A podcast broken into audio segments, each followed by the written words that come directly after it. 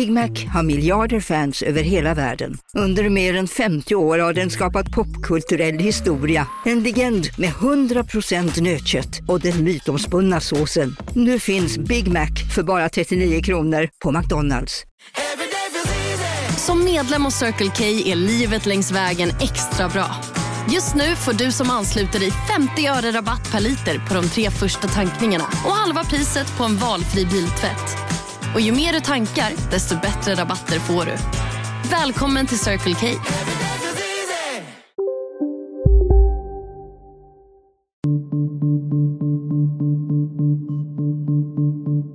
De här språkaktivisterna de utgår ifrån att eh, deras språk, egen språkkänsla som är eh, rätt perverterad faktiskt, är den enda som gäller.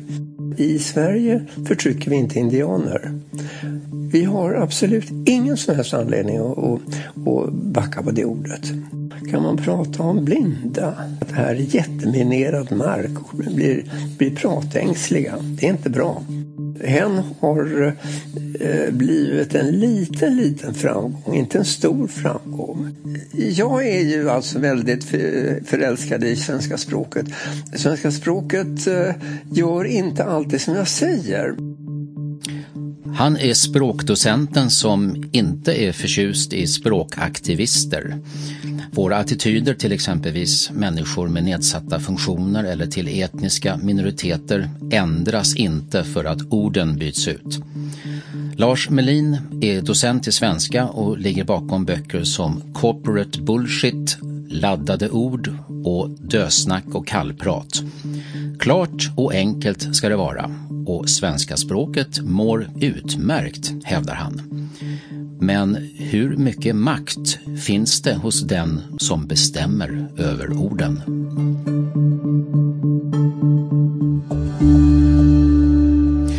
Lars Melin, docent i svenska och författare till minst 14 böcker om språk. Välkommen till fredagsintervjun. Tack ska du ha. Om vi går rakt på sak med en gång så undrar jag så här, efter ett långt liv med svenska språket som både ständigt forskningsobjekt och arbetsverktyg. Hur är din relation till svenska språket? Ja, vi är väldigt tajta, svenska språket och jag. Väldigt tajta. Eh, där, om jag inte läser så snackar jag skit och snackar jag inte skit så skriver jag någonting. Och jag till och med drömmer på svenska. Nej, vi är tajta.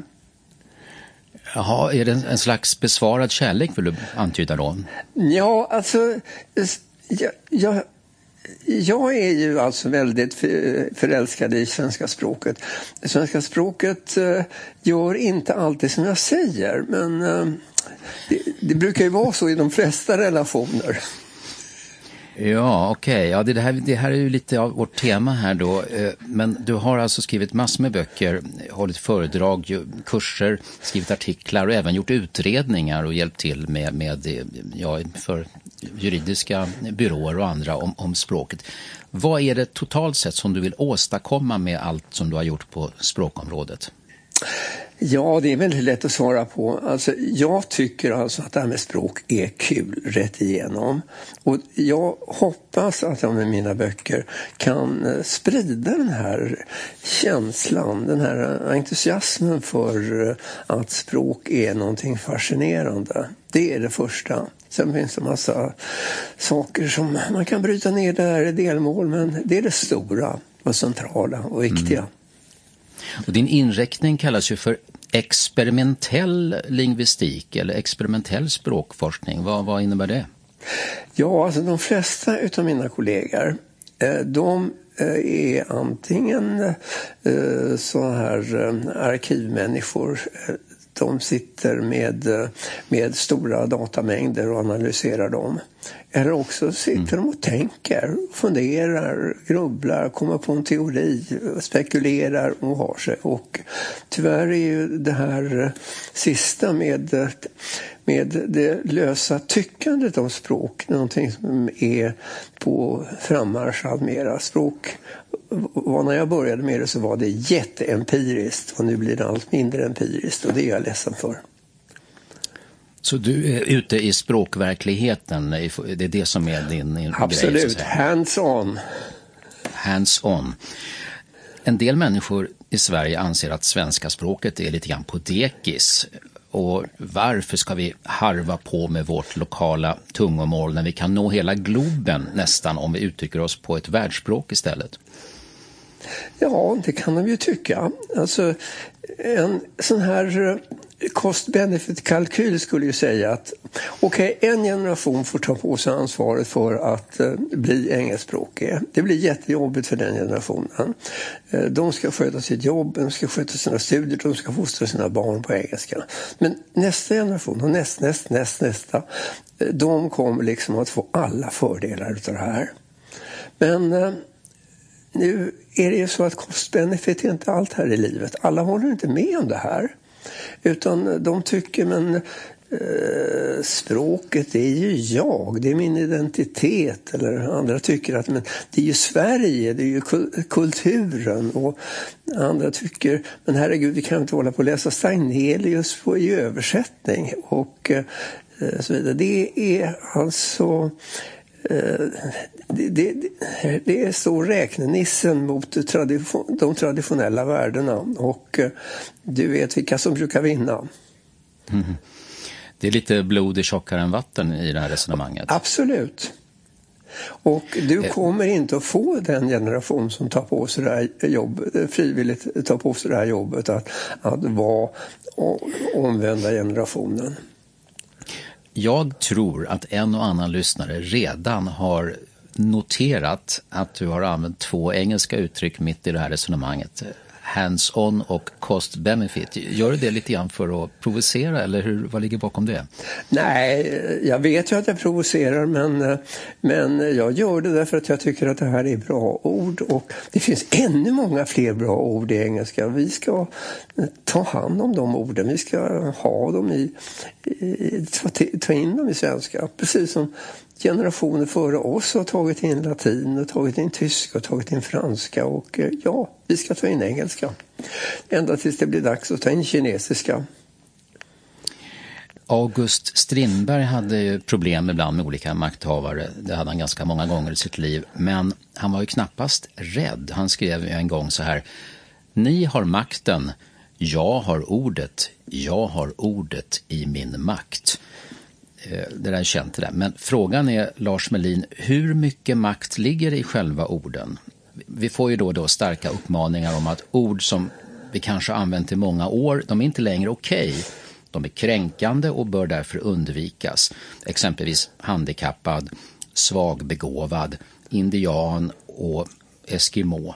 Vad säger du om ord kränker människor, är det då inte nästan självklart att man ska låta bli att skriva och uttala de orden? Ja, om de kränker, ja absolut. Vi, är inte, eh, vi gillar inte att kränka människor. Vi tycker att människor ska behandlas med respekt. Jag har sagt det här väldigt många gånger och i väldigt många sammanhang och jag tycker det fortfarande. Det, det, det är vår vår, eh, men det är helt enkelt att veta hut, så att eh, inte använda kränkande uttryck. Eh, men eh, om du tänker på ett, jag hugger ett ord ur högen här, indian. Hur många indianer finns det i Sverige som hör dig säga indian och blir kränkta utav det? Ja, det finns inga aggregerade siffror höll jag på att säga. Men, men är, det det som är, är det det som är poängen menar du? Eh, att, ja, alltså, att det inte är så stor skada menar, eller det är så få som lyssnar? Det, att, att blir nu indianer kränkta utav att höra ordet indian så ska vi låta bli använda det. Men kan vi utgå ifrån att antalet indianer är så försumbart litet i, i vårt närområde, de som kommer att höra min röst och din röst här, att vi helt enkelt kan, kan bortse från det. Du skrev en debattartikel i början av det här året om just det här. Eh, och då skrev du att när man inte får säga vissa ord blir språket oklart. Det var rubriken förresten. Och du var syrlig mot dem som ville sätta stopp för ord som ja, handikapp, legogubbe, byggherre och indian och ersätta de här då med funktionsvariation, legofigur, byggaktör och ursprungsamerikan. Trakasserier från språkaktivister var det frågan om, ansåg du?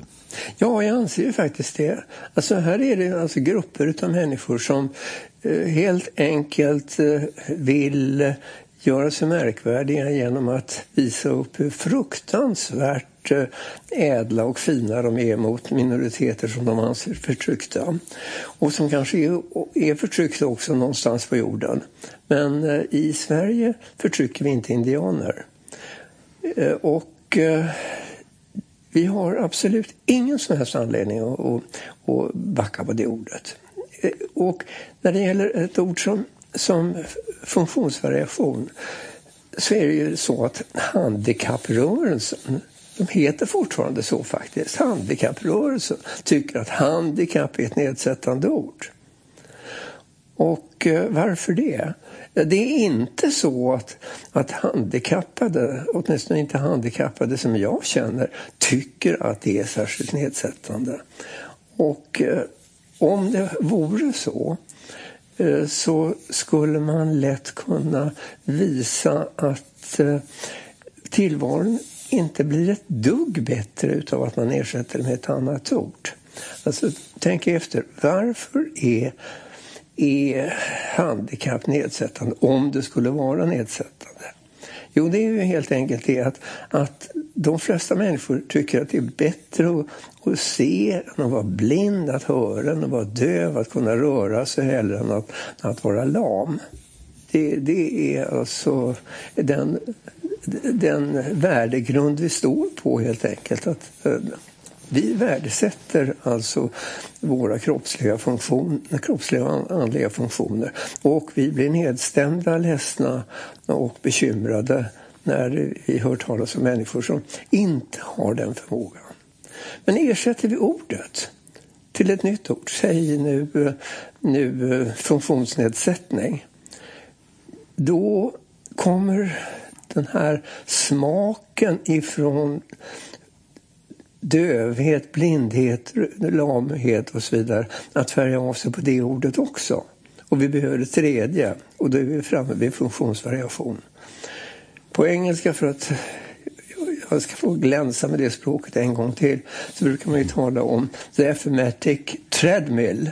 Alltså man går i en evighetsbana, trampar och trampar och kommer ingenstans. Man byter ord och man, eh, man rör sig inte ur fläcken. Och faktum är att, att jag råkar veta att eh, funktionsvariation, det senaste ordet, redan har fått en negativ klang. Jag, jag, det var en person som hörde av sig när jag skrev den där DN-artikeln och sa att, eh, att en eh, kollega hade, som jobbar på skolan med, med många funktionsvariationer pratade lite irriterat. Och så har vi ju alla de här, de här förbaskade varianterna också. Och mm. Eh, det var alltså eh, det var alltså de eh, funktionsvariationen. Så att, och det ligger någonting absolut självklart i det här fast folk inte vill tro på det. Titta på den här grejen. Det här är en apelsin. Du håller upp en, en citron vad jag kan se. Ja, men det är en apelsin. Hör vad jag alltså. säger, det, det, är en apelsin. Ja, jaha, okej. Okay. Mm, mm, mm. Och jag vill inte göra testet nu för det kan, kan spoliera hela mitt experiment här. Men om jag har kallat den här nu för apelsin, då kommer den att smaka sött när jag skalar den och börjar äta den. Men eh, som sagt jag jag väntar med att fullfölja experimentet till, till efter den här sändningen. Men hör ni på, detta är en apelsin. Den smakar sött och eh, glöm inte Den är alldeles gul ju. Ja, den är alldeles gul och det är, apelsiner är gula. Jaha, okej. Okay. Eh, tack för den, det exemplet, eh, Lars Melin. Men Alltså ordet indian är trots det du säger väldigt omdiskuterat och folk vill säga att man ska säga ursprungsamerikan eller eh, indigenous people på engelska och också eskimo har ju till och med Sveriges Radio sagt att, att man bör vara återhållsam med att använda det ordet. Vad är ditt starkaste argument för att vi ska fortsätta med de här orden? Förutom att du menar att, att man, det, det lönar sig inte, så att säga. man löser inte problemen, säger du. Men det, varför måste vi fortsätta när det finns vi rörelser som gärna vill gå framåt? Vi måste inte fortsätta med de här orden. Eh, naturligtvis måste vi inte fortsätta med dem. Det finns inget egenvärde i, eh, i det en, eh, att det ena ordet är, är bättre än det andra. Det, det viktiga är att vi är överens om vad vi ska säga. Men om det kommer någon och påstår att folk blir kränkta för ditt eller datt, då skulle jag gärna vilja säga upp till bevis. Vem är kränkt? Är det, är det du som är kränkt? Du är ju inte indian ju. Inte Eskimo heller för den delen. Eh, man, eh, man vill gärna veta att eh, man tar hänsyn. Och det är, det, det, är ju det de här, de här språkaktivisterna hoppar över det ledet. De, de utgår ifrån att deras språk, egen språkkänsla som är eh, rätt perverterad faktiskt, är den enda som gäller. Och sen så kräver de att, eh, att andra ska tillägna sig samma språkkänsla och bli indignerade när de hör ordet.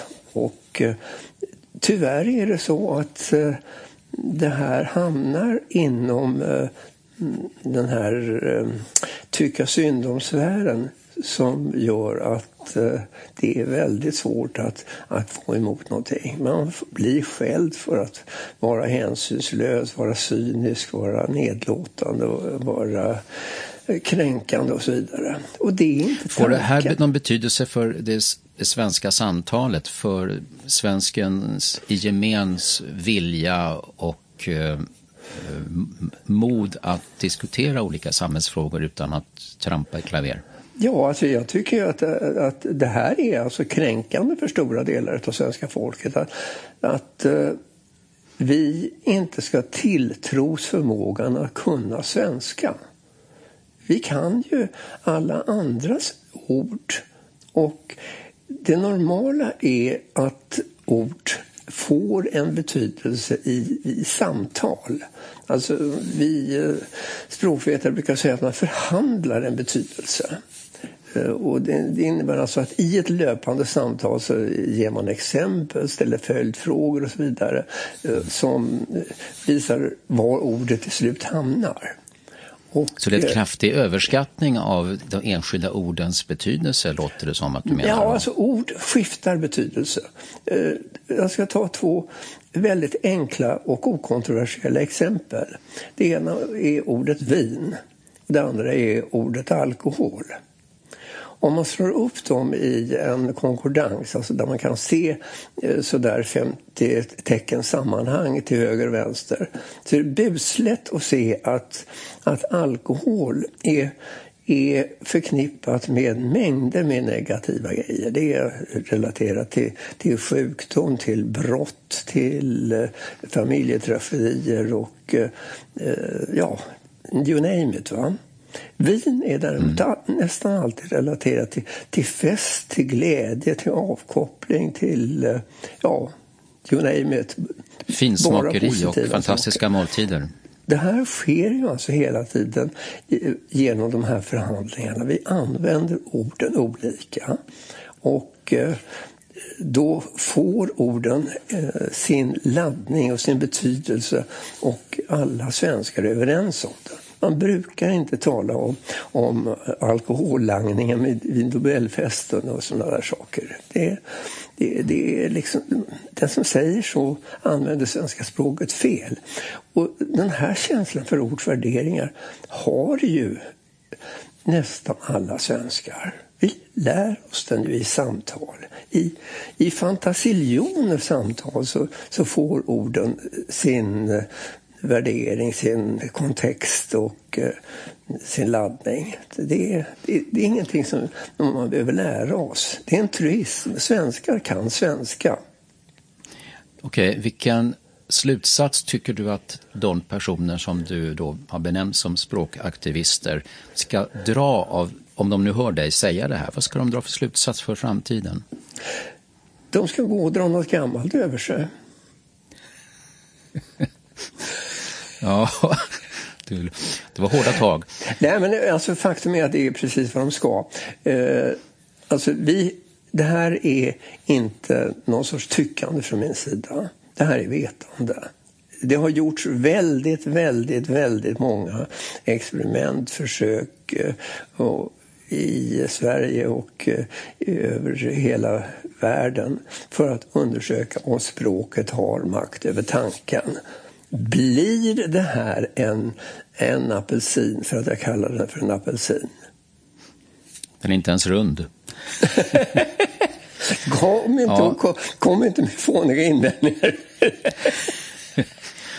Nej, men, men, det, men det är en ganska stark rörelse, de som faktiskt eh, vill gå in och som de menar då eh, mönstra ut unkna könsstereotypa termer för att istället skapa ett, som man menar då, inkluderande språk. Det är ju inte någon liten rörelse i samhället. Jo, men alltså inkluderande språk blir, blir jättelätt exkluderande. Det är... Hur då? Jo, tänk dig själv att uh, vi ska uh, ta och uh, prata, vara försiktiga. Va? Eh, vi pratar om funktionsvariationer. Eh, men vi gör det ju bara i negativa, negativa sammanhang. Du pratar aldrig om att, att Einstein har en, en eh, mental eller en intellektuell funktionsvariation eller att Zlatan har en fysisk funktionsvariation. Du pratar bara om det i negativa sammanhang och då blir ordet stämplande. Och det är väldigt lätt att, eh, att vara inkluderande på ett exkluderande sätt. Här idag så får alla vara med. Till och med du lilla, lilla Pelle får vara med idag här. Är, vi är så innerligt eh, välkomnande mot alla att, att till och med du är, är, är gäst i vår grupp. Det, mm. det, det, det, är ett snäpp mellan, eh, mellan inkluderande och exkluderande. Men det finns ju en del ord som är eh, extremt hårt laddade eh, och till exempel eh, hora är ju ett sånt ord som ju har använts mycket på skolgårdar och som har använts också för att stigmatisera personer som, som, som säljer sex. Och så har vi det så kallade n-ordet också och där har det ju, alltså rasism är ju ett stort problem i, i, i hela världen och där är väl de flesta svarta människor överens om att de här orden som börjar på en, de blir de kränkta av idag. Jo, men du hörde vad jag sa för en liten stund sedan. Va? Vi ska inte kränka folk. Vi ska inte använda ord som folk eh, eh ser som nedsättande. Och n-ordet är ett sånt ord. Tyvärr har det alltså blivit det. Och eh, det har ju att göra med att det varit ute i den här ordbörsen och förhandlats i fantasiljoner samtal och då fått mer och mer av den här nedsättande klangen. Man kan ju som språkvetare säga att det är ju rena slumpen vad som händer här. Alltså, judar har varit utsatta för ännu större och vidrigare förföljelser än, än svarta. Men ordet jude har ju inte fått den här negativa klangen. Så vi vet faktiskt inte varför det slår ut på vissa ord men inte på andra. Men har det slagit ut, då finns det ingen återvändo. Ordet är negativt laddat och ska inte användas. Och det är, det är ju alltså socialt självmord att använda det. Men du, du sa nyss så här att det här är vetande att det faktiskt inte hjälper så att säga med att ändra orden. Det, och det är då en, till skillnad från vad som har sagts förr, för väldigt många har fått lära sig det här att eh, att språket påverkar tanken och om tanken förändras då kan så småningom också verkligheten bli annorlunda. Det är, Ja, och, och så, är, så är det alltså inte. Utan här är det alltså verkligheten som har förändrat n-ordet. Förändrat n-ordet från ett, ett positivt ord på 1950-talet till ett i stort sett förbjudet ord idag. Och eh, då hjälper ingenting. Då får vi låta bli ordet. Vi får, vi får Eh, det ordet åstadkommer alltså sådana effekter att vi inte vill veta av dem. Det, man brukar ofta säga att det går troll i ord. Och här har det verkligen gått troll i ordet. Det ju, har alltså gått så långt att man inte ens får säga ordet när man talar om det utan måste säga en ordet och, och eh, alla människor vet vad man menar när man säger n-ordet. Och det här är alltså... Är det säkert det? För det finns ju faktiskt flera olika eh, varianter som ja. börjar på n. Jo, en som kom, kommer ett e och en med ett i till exempel. Ja. Så att, vet vi, är det verkligen så att ja, det bara finns ett jag säger, men, men alltså det, det är väldigt uh, spritt i alla fall. n-ordet är mycket välkänt. Och som sagt det här är ett ord som det har gått troll i. Och det är ju inte första gången i historien som det går troll i ord. Men är det en förlust för språket att vissa ord genomgår den här förändringen och, och blir Nej, entydigt det, negativa? Nej, det, det är det ju inte. Utan det är, det är en grej som så att säga händer i språk. Att ord får en laddning. Ibland får de en mycket stark laddning. Backar vi tillbaka till eh, mitten av förra århundradet så var det alltså de här, eh, de här sexorden, de så kallade runda orden då, som inte mm. fick skrivas. De fick inte nämnas i, i eh, ska vi säga, städade miljöer och de användes alltså bara i skymundan. Sen smögs de alltså in. Men idag så kan alla de här, de här eh, vulgära sex...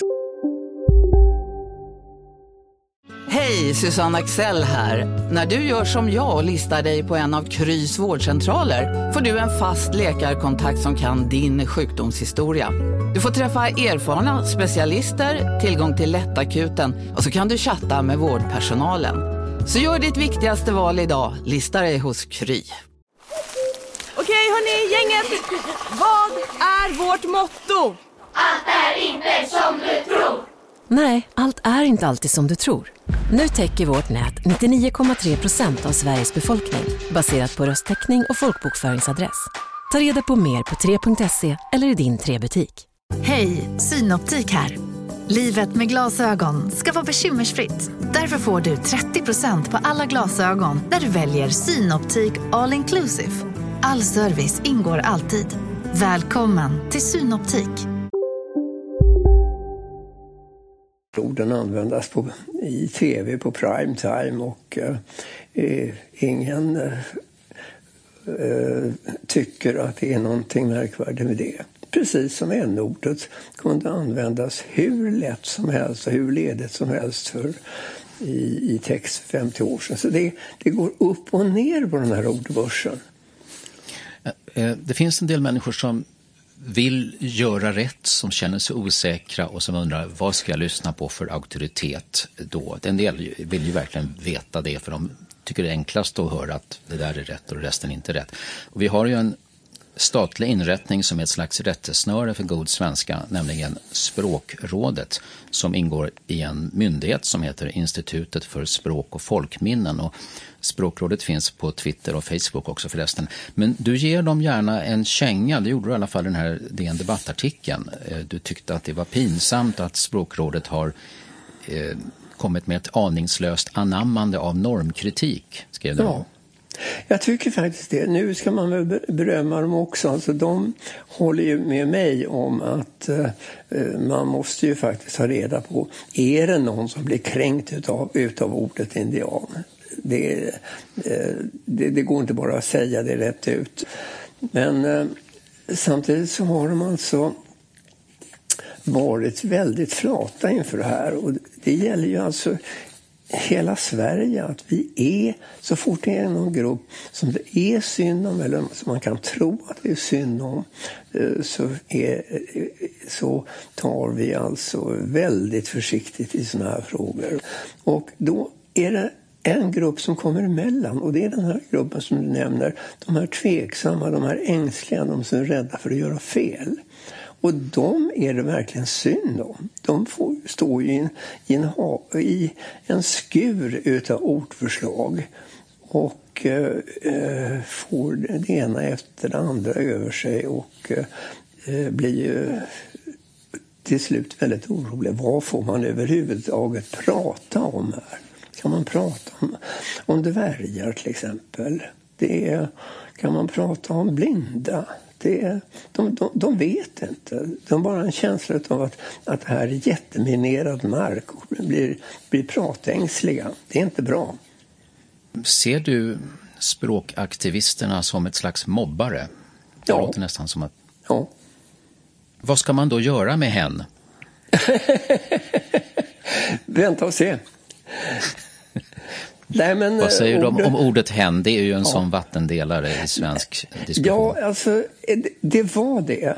Eh, när ordet introducerades, då introducerades det på ett sånt sätt att, att det blev en sorts markör. Jag är feminist, hör på mig hur jag använder hen. Eh, det är inte riktigt på, på samma sätt längre. Eh, hen har eh, Eh, blivit en liten, liten framgång, inte en stor framgång. Men eh, vad det har lyckats med är ju att bli rätt så neutralt. Det har, eh, man är inte liksom infockad i ett, i ett speciellt åsiktsfack för att man använder det. Det finns ju massvis med andra ord sånt där som om man säger genmanipulerad eller gen, eh, genförädlad så visar det ju precis var man står någonstans. Men, eh, hen eller genförbättrad. Ja. Gen... Men ordet hen kommer alltså över dina läppar ibland och det har du ingenting emot? Nej, alltså, det kommer inte över mina läppar. Jag är för gammal för att eh, ett utav språkets absolut vanligaste ord ska kunna eh, få eh, komma in och bli naturligt i mitt språkbruk.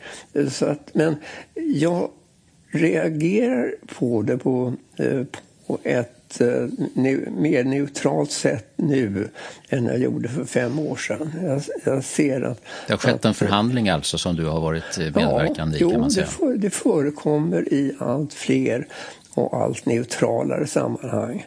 Och då har man inte någon, någon större anledning att, att uh, se på det på annat sätt än att, att det är ett ord som faktiskt löser ett problem. Det finns ju många andra ord och böjningar som folk kan vara osäkra på och uh, pluralform och sånt där. Och, uh, men en kan ju alltid slå upp i en ordbok om en är osäker. Ja, detta Vad är säger korkat. du om, om en istället för man? Ja. Det är jo, ju väldigt det, det, vanligt förekommande det här, på universiteten exempel. Det är ett exempel på något väldigt, väldigt korkat faktiskt. Alltså, man ogillar ordet man. Man ogillar pronomenet man därför att man ogillar substantivet man. Men det är ju olika ord, herregud. Det är ju helt olika ord. Uh, i så fall skulle man kunna säga att nej, jag vill inte använda ordet en. För att en betyder ju, eh, betyder ju en enda. En får slå upp i en ordbok, säger du. Men herregud, alla ska väl kunna slå upp i en ordbok? Det är väl inte bara en som får slå upp i en ordbok? Alltså, det går runt i skallen på, på människor. De eh, har sett ett man och reagerar surt på det för att de ser substantivet man. Men det här är olika ord, det har olika funktion, det har olika böjningar, det, är, eh, det har olika begränsningar. Det är faktiskt två världar. Och att blanda ihop dem där, det är alltså bottenlös eh, lingvistisk okunnighet. Lars Melin, docent i svenska. Du har fått flera priser för dina insatser på språkforskningens område. Är det rätt att säga att du har prisats? ja, du, vi får säga det. Allt har sitt pris. Eh, vilket av priserna smäller högst då? Du har fått Erik eh, Welanders språkpris. Eh, det är kanske de som är yngre idag som inte har hört talas om Erik Welander, men nästan alla som är över 50 det händer någonting i, i, i hjärtat eller huvudet när man hör hans namn, eller hur? Ja, alltså Erik Welander var en gigant, det var han ju. Det, han, hans bok kom ut 1939 och det har runnit en del vatten i ån sedan dess. Men Erik Welander var definitivt en gigant, en språkvetargigant. Konstigt nog var han professor i tyska och inte i svenska men det hindrar inte att han mm. hade en observationsförmåga som var enorm. Och hans språkbibel hette ju Riktig svenska och eh, den, den, han kom i upplagor ända fram till 1973 fast den första kom på 30-talet. Men hans språkideologiska grund då, hur hänger den ihop med din egen?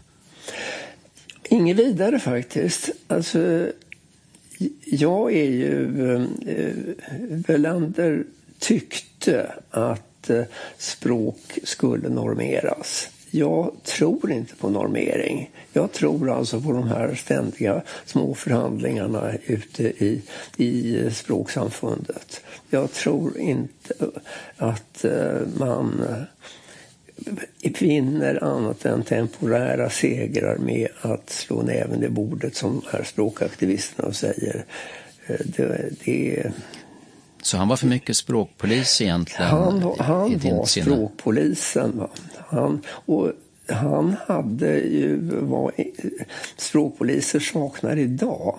Han hade alltså eh, en kår bakom sig som eh, ingrep. Det var alltså hela svensklärarkåren trodde på Erik Velander och predikade hans läror och eh, drog rödpennan när de tyckte att, eh, att det skulle vara så. Så att eh, dagens språkpoliser är, är bara någon sorts ynkliga privatdeckare. Men Erik Welander var alltså stor, var alltså polismästaren.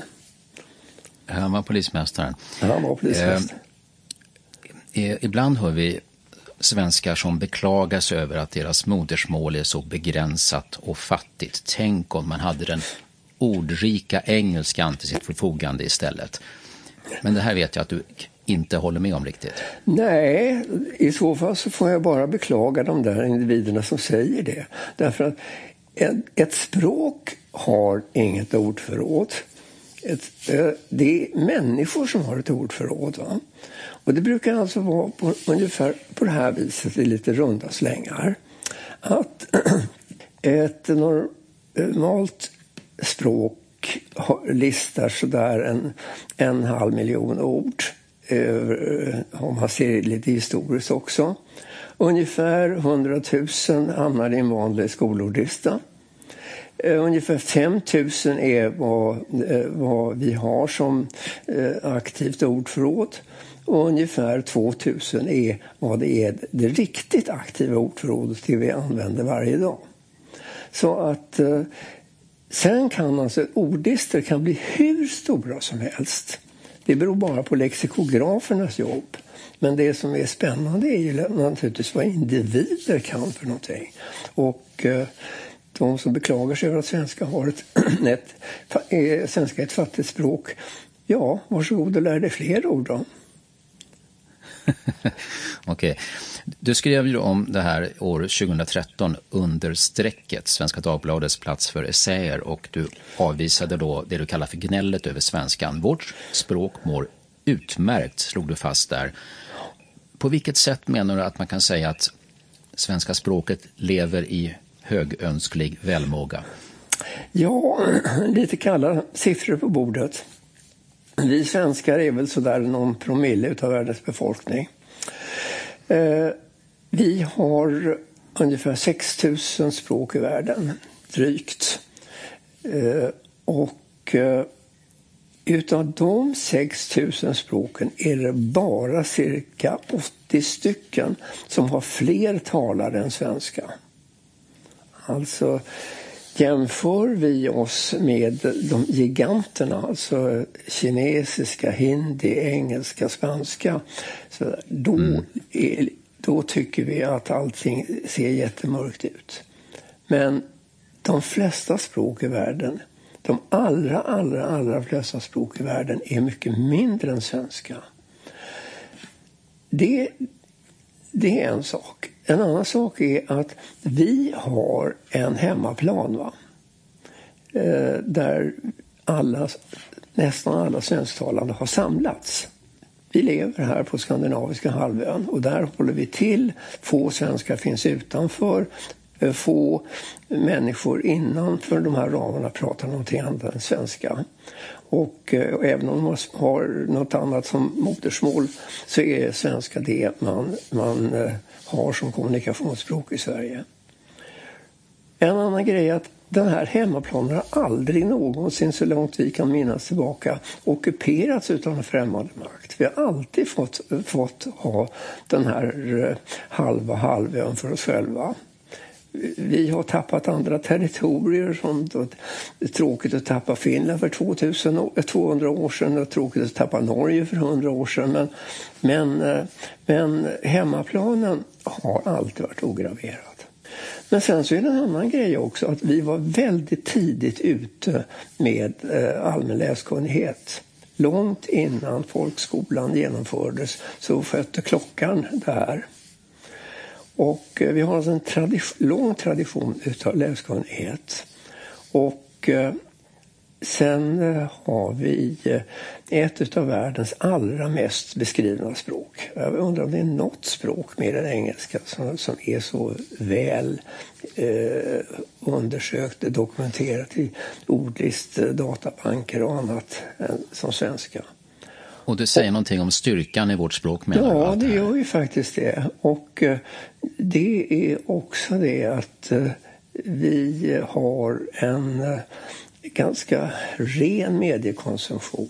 Det är Sveriges Radio sänder program på svenska.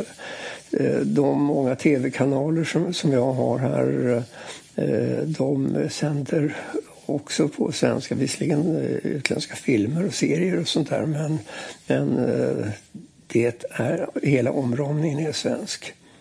Och sen är det ju alltså någonting annat också som man inte tänker på i det här sammanhanget men som man ska tänka på.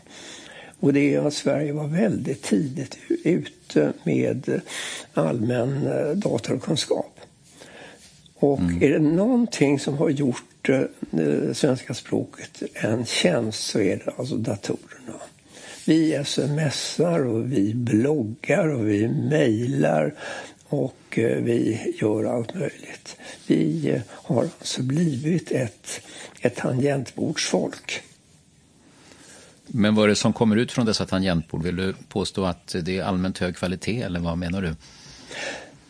Ja, alltså det är klart att det skiftar kvalitet. Men alla kan ju inte vara Strindberg. Men eh, vi, vi är i alla fall ett skrivande folk. Det har vi inte alltid varit, men nu är vi det. Så du skulle vilja ha slut på klagomålen på att, att otur att hamna i ett land med så fattigt språk som vi har? Det... ja, det finns ingen grund för det. Det är ingen som helst grund för det. Du, Lars Melin, låt oss testa några vanliga fel i språket eller icke korrekt eller inte vårdad svenska, eller åtminstone uttryck och konstruktioner som hos en del väcker irritation. Flera av exemplen har jag hört i etermedier eller sett i skrift bara den allra senaste veckan. Får se om du reagerar eller vad du säger. Antalet kärnvapen, kärnvapen är färre än under kalla kriget. Ja, det är en omogen formulering. Den behöver läsas om och korrigeras. Ja, det, det är inte Vi har väldigt ofta folk som säger färre antal trots ja, att det inte ja. behövs det ordet egentligen. Ja, nej, men alltså, det, eh, är, det, är det fel detta? Ja, det, det är det ju. Alltså, det, det, är ett klassisk feltyp, alltså att man, att man syftar på saken istället för ordet. Så. Och det är ju antalet som är, singulart men kärnvapnen är flera. Och sen så slår det liksom lite, skall, lite runt i skallen. Väldigt Och här var de färre. Ja, eh, eh, okej, okay, men... Eh, druvan är, tillhör en av de mest populära. Ja. Det är också ett klassiskt, klassiskt Eh, ska vi säga, taftologi, alltså man använder lite, lite fler ord än vad man behöver. Också en sån där sak som är väldigt lätt att säga, väldigt lätt att skriva, men som ska bort i nästa version. Kommitténs opolitiska tjänstemän bedömer att antalet asylsökanden kommer hamna på samma nivåer som idag. Ja, också en, en sån här sak som ty, tyder på en, en ska säga, valhänt hantering. Alltså man böjer Alltså de här felen är ju exempel på egentligen samma sak att man eh, har två tankar i huvudet när man skriver och sen så blir det lite, lite utav, utav båda. Men du säger själv att vi förhandlar om språket och hur det ska hur det ska, fungera varenda dag. Är det inte så att det här har blivit rätt då? Om det är så många som säger så här? Nej, är det, inte det är det ju som... inte. Eh, det är många som säger det. Och jag kan också eh, säga och skriva sådana där saker. Det blir inte mer rätt för det. Eh, det, det blir rätt när de flesta säger så de flesta gångerna. Men, ja, men det där... gör de ju i fallet asylsökanden. Det är ja, det, det, är det vanligaste. Har, där, där har du nog en glidning, ja. Ja. Det, det, det, det, kan hamna på... Eh, på ja, det, kan bli rätt till slut, ja. Men du är, är lite språkliberal mitt i allt, eller hur? Du är en språkliberal. Ja. Och inte purist och inte polis. Och Nej. inte aktivist. en explosion detonerade. Ja, och också igen, det man har inte tänkt igenom det hela. Explosioner, vad kan det detonera om inte äh, sprängämnen? Det, det, det, det är sånt där som man förhoppningsvis ser när man läser, läser texten en gång till. Sen är frågan hur stora och snabba språkförändringarna är. En brittisk språkhistoriker som du har nämnt tidigare, Larry Trask, har beräknat att ett språk förändras under tusen år med ungefär 15 procent, hur han nu har räknat ut det. Eh, är det sannolikt så med svenskan också? Ja, det där är ju väldigt svårt att hantera. För att begripa det där så måste man liksom ha, eh, tänka på frekvenser. Eh, mm. Ord i språkets utkanter kommer ju väldigt fort kommer, eh, kommer in fort och kommer, eh, försvinner fort. Medan kärnan, de allra, allra vanligaste orden, är, är stabila över, över sekler. Men, och, och, det finns någonting som kallas för mormorsteorin. Vad är ja, det för någonting? Ja, eh, det är en riktigt begriplig sak. Alltså, språk får inte förändras så snabbt att inte tre generationer problemfritt kan prata med varandra. Och, eh, och här tänkte du mest på, på kvinnliga eh, människor uppenbarligen som inte heter farfarsteorin eller, eller farbrorsteorin eller något sånt där. Märk inte ord. Nej, men det är klart att det kunde heta så. Eh, men det är jag vet inte, det är väl inte jag som har hittat på termen och jag, jag har bara köpt den rätt av. Men... Eh, vi, vi, ska runda av strax. Eh, Lars Melin, du har ju levt som sagt var ett, ett långt liv med språket och med, med, med språkvård och med analys och för att berätta om sånt som fungerar, och som fungerar mindre bra och sätta ljuset på även det tomma språket eller det mekaniska, corporate bullshit till exempel heter den i dina böcker. Och retorik som ju är någonting som ju har väldigt mycket med språket att göra men även med, med, med kropp och utstrålning och känslor och sånt. Det har också eh, resonerat om. Vad, det kan bli för mycket av det goda har du skrivit. Retorik, det är inte säkert att, att man övertygar bättre för att man slår till retoriskt med kraft. Nej, faktum är att det är precis tvärtom. Om du tar ett, ett väldigt vardagligt eh, yttrande Eh, och sen så, eller ett, påstående som är ganska kontroversiellt som att, eh, att eh, kommun, den kommunala rördragningen måste ses över var 25 år eller någonting sånt där. Så kan du liksom lägga på retoriska lager här med, med anaforer och metaforer och alltihopa det där. Och ju mer du lägger på utav den varan desto, me, desto mer entusiastisk blir du själv. Du peppar dig själv med att använda de här orden. Och mm. det smittar över på, eh, på de som lyssnar till dig. Men så att eh, det fungerar som peptalk. Engagemanget ökar. Men samtidigt finns det en axel som går neråt och det är trovärdigheten. Där sitter alltså människor och lyssnar på det och säger varför brer han på så jävla tjockt om det här? Det här är någonting fishy. Och där, då var det inte så bra längre. Så vad är då ditt eh, jag höll på att säga husmorstips, men jag inser att det måste vara daterat. Vad är ditt bästa råd när det handlar om retoriken för att hamna rätt? Ja, för det första, säg någonting som du själv tror på. Det är, det är, är nyckeln. Det andra är, säg det så att en tolvåring kan begripa det. Då kan också din publik begripa det. Och eh, är det trovärdigt så kommer de dels att förstå det och dels acceptera det. En, enkelhet slår ord, eh, slår ord, ens, ens ordtsunami hur stark den än är.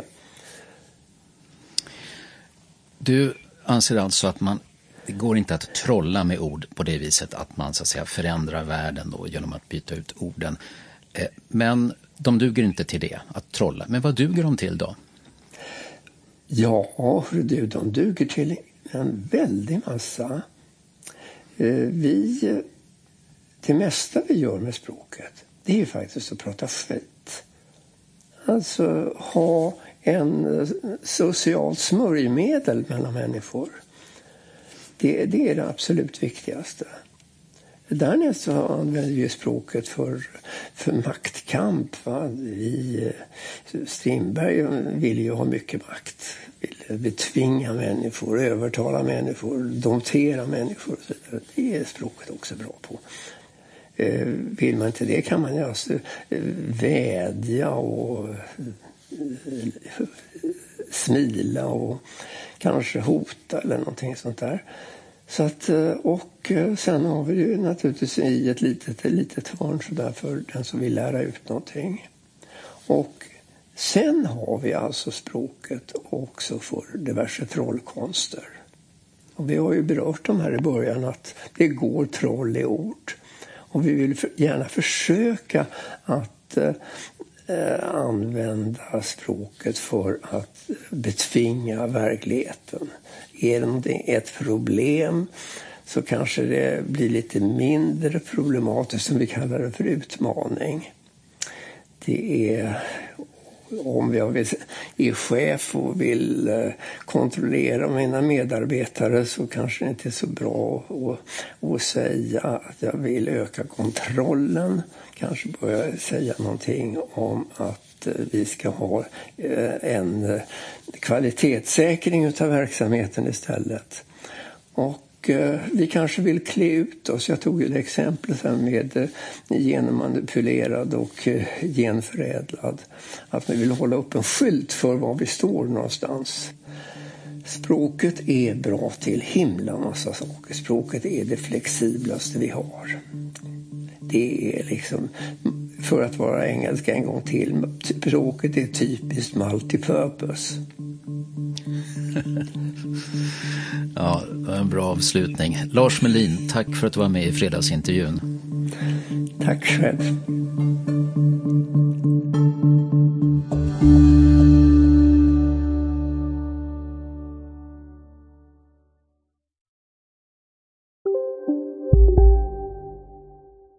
Redo för sportlovets bästa deal? Ta med familjen och njut av en Big Mac, McFeast eller Cooper Cheese och Company plus en valfri Happy Meal för bara 100 kronor. Happy Sportlovs deal, bara på McDonalds.